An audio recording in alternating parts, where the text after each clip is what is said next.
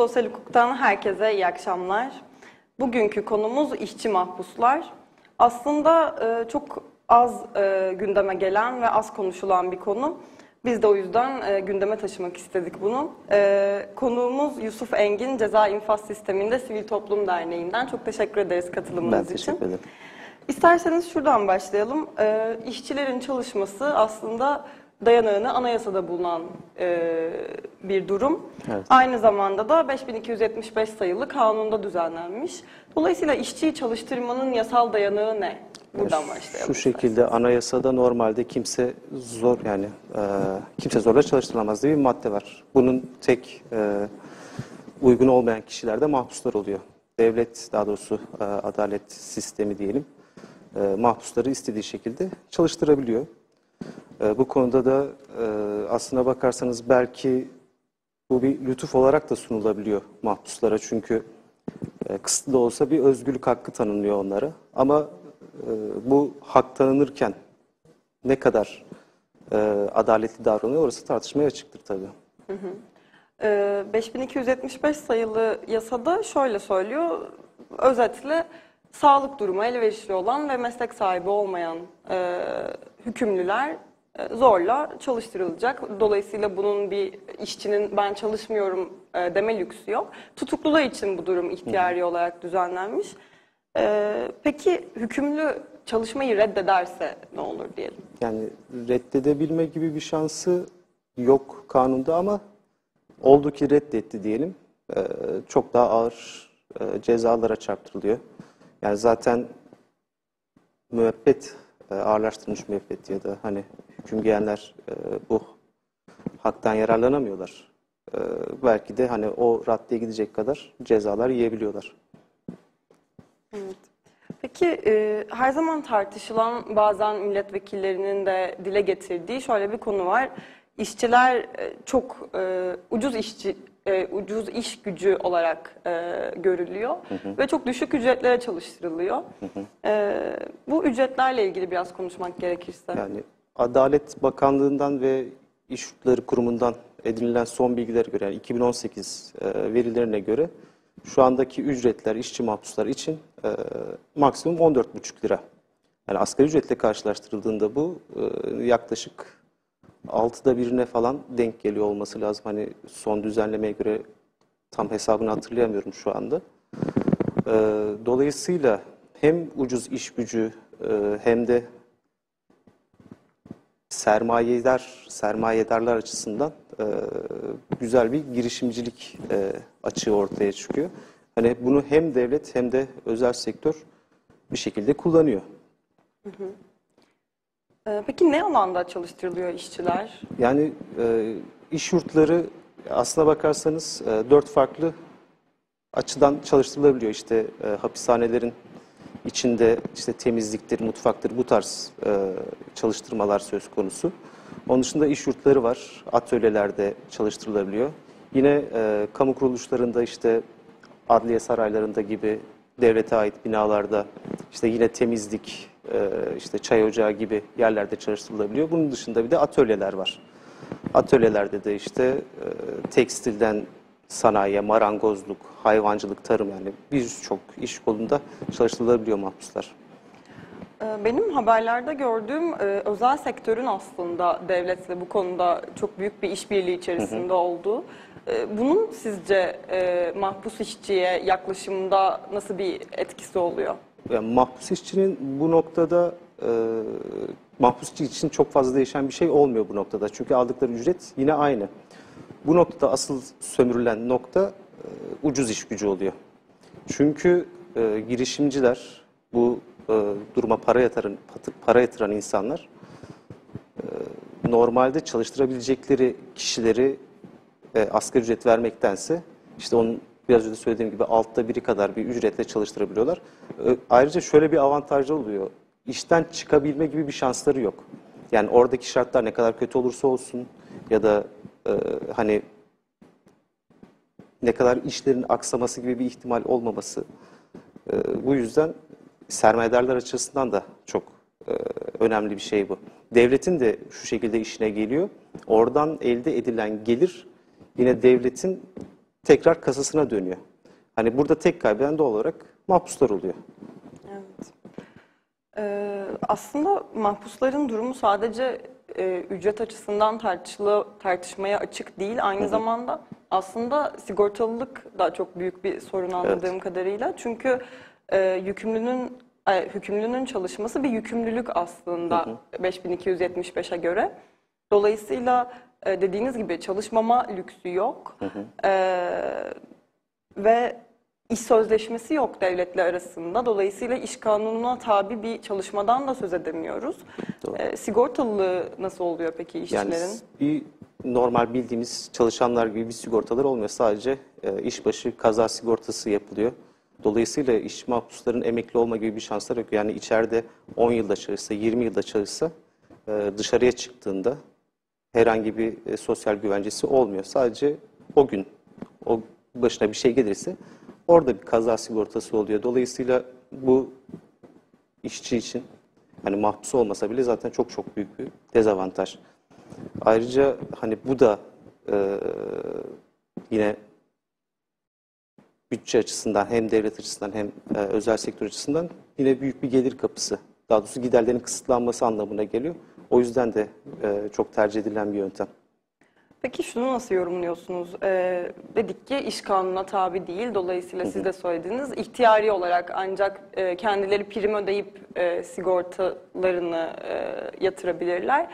E, ancak sadece meslek hastalığı, e, iş kazası ve galiba analık sigortası Evet. e, yapılıyor onlara.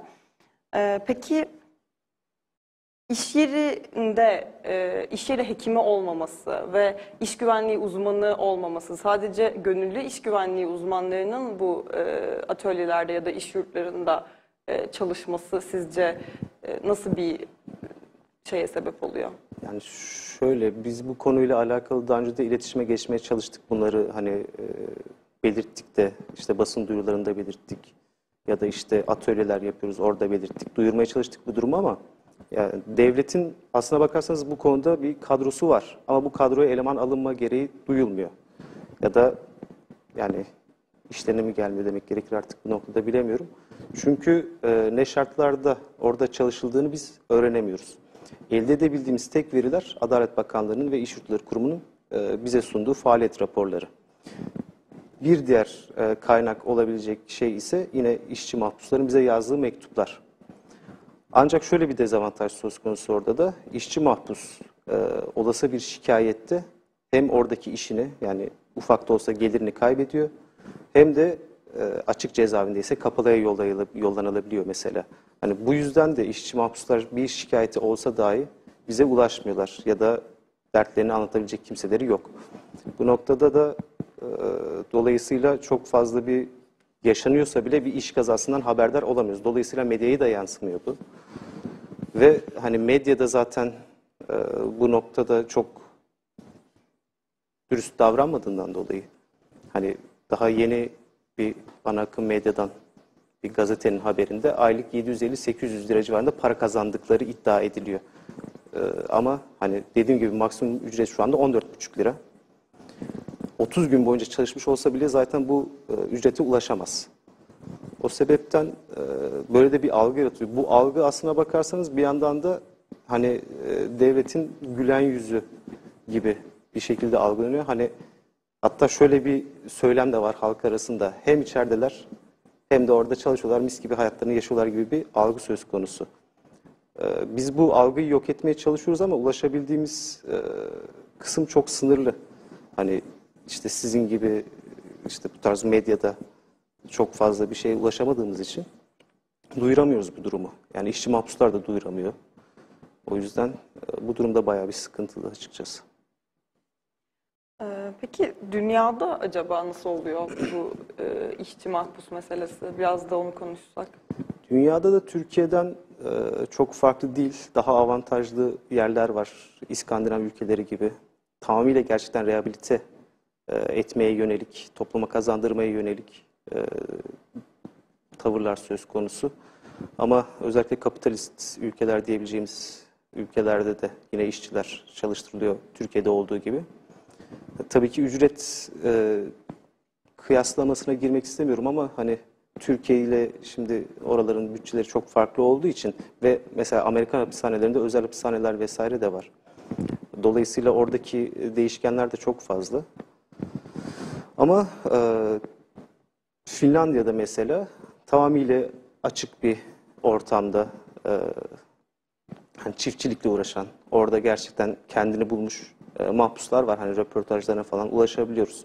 Ama Amerika'da mesela e, çok fazla e, iş kolu var yine orada da Türkiye gibi. Zaten e, en fazla işçi çalıştıran yer şu anda ABD. E, ondan sonra da hani e, Türkiye'de onu devam eden ülkelerden bir tanesi. Ama e, Türkiye sanırım bu konuda e, işçi mahpuslara hakkını yenmesi konusunda, daha doğrusu dezavantajlı duruma getirilmesi konusunda önde geliyor biraz. Ki bize ne düşüyor? Yani siz gerekli aslında desteği çok fazla göremediğinizi söylediniz dernek olarak. Ee, bu alanda çalışan başka dernekler var mı? Nasıl bir yol izlenmeli? Çünkü dediğiniz gibi sadece veriler aslında devletten geliyor. Dolayısıyla bir gölge raporlama yapılamıyor bu alanda. Şu şekilde yani biz bu konularda özellikle sendikalarla çok fazla iletişime geçmeye çalıştık. Ee, toplantılarımızda vesaire hani birlikte olmaya çalıştık ama e, oradan da bir destek göremedik. Hani devletin zaten bu konuda bir destek vermesini beklemek e, absürt olurdu. Sendikalar zaten içeride herhangi bir sendikalaşma gibi durum söz konusu olmadığı için yani dışarıdan belki böyle bir taleple bir şeyleri değiştirebiliriz diye düşündük ama oradan da bir e, destek alamadık. Onun dışında medya zaten e, belli bir kesimin elinde olduğu için oradan herhangi bir destek alamıyoruz, duyuramıyoruz bunu. E, Dolayısıyla hani bunun dışında neler yapılabilir? Hani biz elimizden geleni yaptık işte kitap çıkartmaya çalışıyoruz işte raporlar sunuyoruz vesaire ama ulaşabildiğimiz kesim çok sınırlı. Bununla ilgili kaynaklarınız bence e, oldukça yararlı. Dolayısıyla belki bizi izleyen ve bu konuda bilgi edinmek isteyen insanlar olabilir.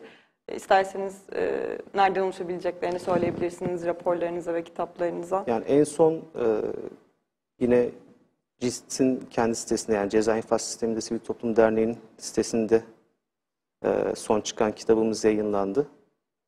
E, onun dışında e, yine hapiste işçi bloğundan sürekli paylaşımlar yapıyoruz. Orada hem işçilerle çıkan, hapiste işçiyle alakalı çıkan haberleri görebilirsiniz ya da işte blog yazılarımız oluyor. Onları onlara ulaşabiliyorsunuz. Onun dışında Twitter'da yine aktifiz hapiste işçi olarak. Ee, Peki bu e, işçilerin ceza meselesinde yani bu 5275 sayılı kanunda e, düzenlenmiş mesela siz raporlarınıza da yer vermişsiniz. E, bunları nasıl karşılıyorsunuz? Çünkü uygun görülen işte çalışmamak mesela haberleşme veya iletişim araçlarından yoksun bırakma Evet. cezasına sebep olabiliyor. Ya da işte dediğiniz gibi e, kapalı infaz kurumuna tekrar göndermekle tehdit ediliyor iç- e, işçiler. E, bunları nasıl yorumluyorsunuz? Yani şu şekilde e, sadece hani işçi mahpuslar için değil bu hani diğer mahpuslar için de e, çok büyük sıkıntılardan bir tanesi E, iletişim kesimi yani il- iletişim kesintisi e, en çok yaşanan problemlerden bir tanesi mesela ve bu insanların zaten e, tek dayandıkları nokta işte haftada bir ya da haftada iki kere sevdiği insanlarla yakınlarıyla görüşebilme imkanlarını kaybetmeleri demek. Ee, onlar için çok büyük bir e, yıkım oluyor açıkçası. O yüzden zaten bizim duyurmaya çalıştığımız noktalardan bir tanesi bu. Hani yani insan hakları ihlaline gidiyor biraz da çünkü bu. Ee, insanların iletişimini koparmak, insanları hayattan kopartmak. Bu bunun önüne geçmeye çalışıyoruz biz CIST olarak. Hani işçi mahpuslar da bu noktada diğerlerine nazaran biraz daha e, kolay ulaşımlara sahip. Çünkü yani hepsi kapalı atölyelerde çalışmıyor. Çünkü şöyle bir şey de var mesela. e, dinlenme tesislerinde falan çalışan işçi mahpuslar var. Hani e, normal hayata karışabiliyorlar. Bu tarz avantajlar da söz konusu ama parasını alamadığında danışabileceği ya da şikayet edebileceği kimse yok. işte buna göz yummak zorunda bırakıyorlar insanları. Bizim e, çoğunlukla zaten ulaşmaya çalıştığımız noktalarda da bu sefer mahpuslar kaçmak zorunda kalıyor. Hani biz onlara ulaşmaya çalışıyoruz mektuplarla ya da işte gazete ilanlarıyla vesaire ama maalesef e, burada da ket vuruluyor önümüze. Ki devlet e, işçi, ya mahpus işçi e, çalıştırmayı bir rehabilite yöntemi olarak her zaman e, öne sürüyor. Bu galiba ellerindeki en büyük koz. Evet. E, peki gerçekten mahpusları e, çalıştırmadan ya da çalıştırmak dediğiniz gibi aslında pozitif tabii ki yanları da var. Ancak bunun zorunlu olması, bahsettiğiniz ücretlerde olması, bir iş yeri hekiminin bulunmaması, sigortalı olmamaları gibi sorunlarla elbette değil. Ee, nasıl rehabilite edilebilir aslında mahpuslar? Çünkü yanılmıyorsam derneğiniz bu alanda da çalışmalar yapıyor, mahpuslara ulaşmaya çalışıyor. Yani rehabilite konusu bu bir rehabilite şekli midir? Belki de bunu psikologların e, cevaplaması gerekir ama hani e, rehabilitede olmadığını görebiliyoruz. Hani şöyle bir şey belki doğru bulunabilir. Bir meslek kazandırma e, gibi bir söylemde mevcut yine devlet tarafından. Ancak şöyle bir problem söz konusu orada da. E, mahpuslar zaten cezaevinden çıktıktan sonra e, eski hükümlü oldukları için bu sefer iş bulamıyorlar. Hani siz ona belgede verseniz ya da işte gerçekten işini çok iyi yapan bir insan olsa bile, gerçekten çok iyi öğrenmiş olsa bile yine e, çok da fazla bir işine yaramıyor. Bu da dolayısıyla tekrar suça teşvik eden bir şey oluyor. Dışarıda iş bulamayan mahpus, daha doğrusu artık özgür insan tekrar mahpus olmaya mahkum bırakılıyor. E, bu hani rehabilitenin böyle bir şey olduğunu zannetmiyorum ben. Hani ben sosyoloji okudum ve e, ama rehabilitenin böyle bir şey olduğunu psikologlar da herhalde destekleyecektir. Peki cezaevinde gerçekten e, yani işçiler çünkü geliri olmayan e, bir sürü e, mahpus var ve dışarıdan destek alamıyorlar. E, cezaevinde genel anlamda çalışmak nasıl? Yani işçilere bu kazandıkları pa- e, para pekala yetmiyordur. Ancak genel durum nasıl? Şöyle zaten e, cezaevinde e, kişisel ihtiyaçlarını işte temizlik ihtiyaçları sabun olur, işte tıraş köpüğü olur, tıraş bıçağı olur bu tarz şeyleri zaten kendileri temin etmek zorundalar. Buradan kazandıkların çok çok büyük bir bölümü hatta tamamı dışarıdan destek de almak zorunda kalıyor bazı bazıları alamıyor. Oraya gidiyor zaten. Yani kişisel ihtiyaçlarına gidiyor oradan kazandıkları para ya da işte e, su ihtiyacı mesela çünkü suya para vermek zorundalar. E, hapishaneler bunu karşılamıyor bu tarz e, zaruri ihtiyaçları bile hani oradan çalışıyorlar. Bu yüzden zaten mecbur kalıyorlar. Ki e, şöyle şeyler de duyuyoruz. E, yine eski mektuplardan çok az da olsa ulaşıyor elimize. E, hani idare tarafından bazı mahpusların ücretlerine el konulduğunu da duyduk biz. Hani okuduk daha doğrusu. Hani neye istinaden kesiliyor bu paralar ya da işte alması gereken ücreti tam olarak alamıyor ya da e, dağıtımda bir adaletsiz adaletsizlik söz konusu oluyor. İşte bir mahpus daha fazla ücret alırken idareyle arası iyi olan diğeri daha düşük ücretler alıyor. Hani usta çırak ilişkisi var tamam ama aynı seviyede olan iki mahpusun farklı ücretler aldığını da gördük. Ya da işte e, şöyle problemler olabiliyor. Haftanın en az 6 günü çalışan bir mahpus e, hapishane hekimiyle görüşemiyor mesela onun yani çalışmak zorunda olduğu için e, hapishane hekiminin geldiği gün örnek veriyorum pazartesi ise ve o gün çalışıyorsa hekimle görüşemiyor ya da işte sosyal aktiviteler tiyatro oyunu oluyor gidemiyorlar. Halı sahaya gidemiyorlar. Çünkü çalışmak zorundalar. Bu tarzda e, problemler yaşıyorlar. Bu tarz problemleri dile getirdiklerinde de aldıkları cevap siz para kazanıyorsunuz oluyor çoğunlukla. Peki mahpusları çalıştırmanın uluslararası e, anlaşmalarla e, anlaşmalarda daha doğrusu yeri ne? Yani şu şekilde e, bütün devletlerde bu gayet yasal bir durumda. Bütün ülkelerde çalıştırıyor e, mahpusları. Hani e, şartlar tabii ki tartışılabilir ya da işte verilen ücretler falan tartışılabilir ama bu e, global bir problem aslına bakarsanız. Çünkü e, hani işçi emeği verginin tam karşılığını alamıyorsanız zaten orada bir hak ihlali söz konusudur. E, İşçi mahpuslar e, Türkiye nezdinde konuşacak olursak zaten biraz yani en başta söylediğimiz gibi olması gereken ücretin yaklaşık altta birini alırken e, diğer ülkelerde de bundan çok farklı durumlar söz konusu değil.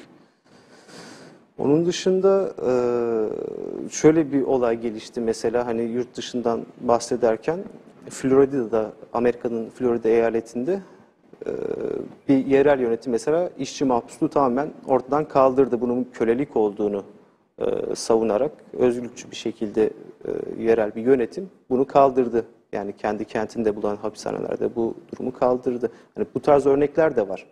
Ama e, Türkiye için herhalde böyle bir şey konuşulması çok mümkün değil. Çünkü hani baktığımızda son 15 yılda özellikle e, yaklaşık yani 2003 yılında 5000 küsür e, işçi mahpusu varken şu anda yaklaşık 60 bin işçi mahpusu var. Yani bu da demek ki çok büyük bir sektör gelişiyor burada. Hani önemli bir iş gücü var ki 60 bin kişiden bahsediyoruz burada. Ki işte bu 60 bin kişi hayvancılık yapıyor, işte tarım yapıyor, marangozluk yapıyor, işte inşaat işlerinde çalışıyorlar. Hani bu gördüğümüz işte yeni yapılan adalet sarayları vesaire e, devasa binaların çoğunda işçi mahpusların emeği var. Yine aynı şekilde okul binalarında sıra yapılıyor. Kurban Bayramı'nda işte e, kurban satıyorlar, işçi mahpuslarına yetiştirdikleri kurbanlar. Yine aynı şekilde sürekli fuarlar açılıyor. Konya'da, Ankara'da en son işte Samsun'da açıldı vesaire geçtiğimiz yıl.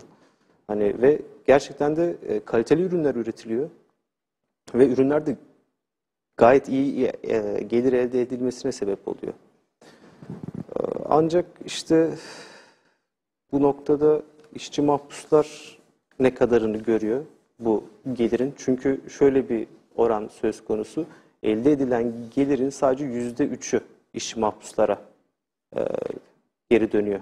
Ve yaklaşık da 4800 özür diliyorum 4 milyar 800 milyon TL civarındaydı en son 2018 verilerinde e, iş yurtlarının geliri.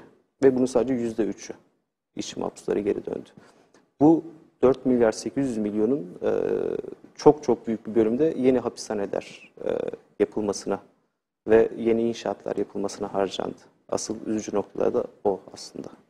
Aslında sadece bu e, ciro ve e, bunun yüzde üçünün mahpuslara ayrılması bile e, işçi mahpusları çalıştırmanın bir e, rehabilite olmadığını aslında bir sömürü düzenine, düzenine hizmet ettiğini bence açık bir şekilde e, göz önüne seriyor gerçekten. E, sizin eklemek istediğiniz bir şey var mı? Yok. Şimdilik yani bu kadar. Evet, yani bence çok gerçekten önemli e, ve Türkiye'de de maalesef az konuşulan bir e, konu.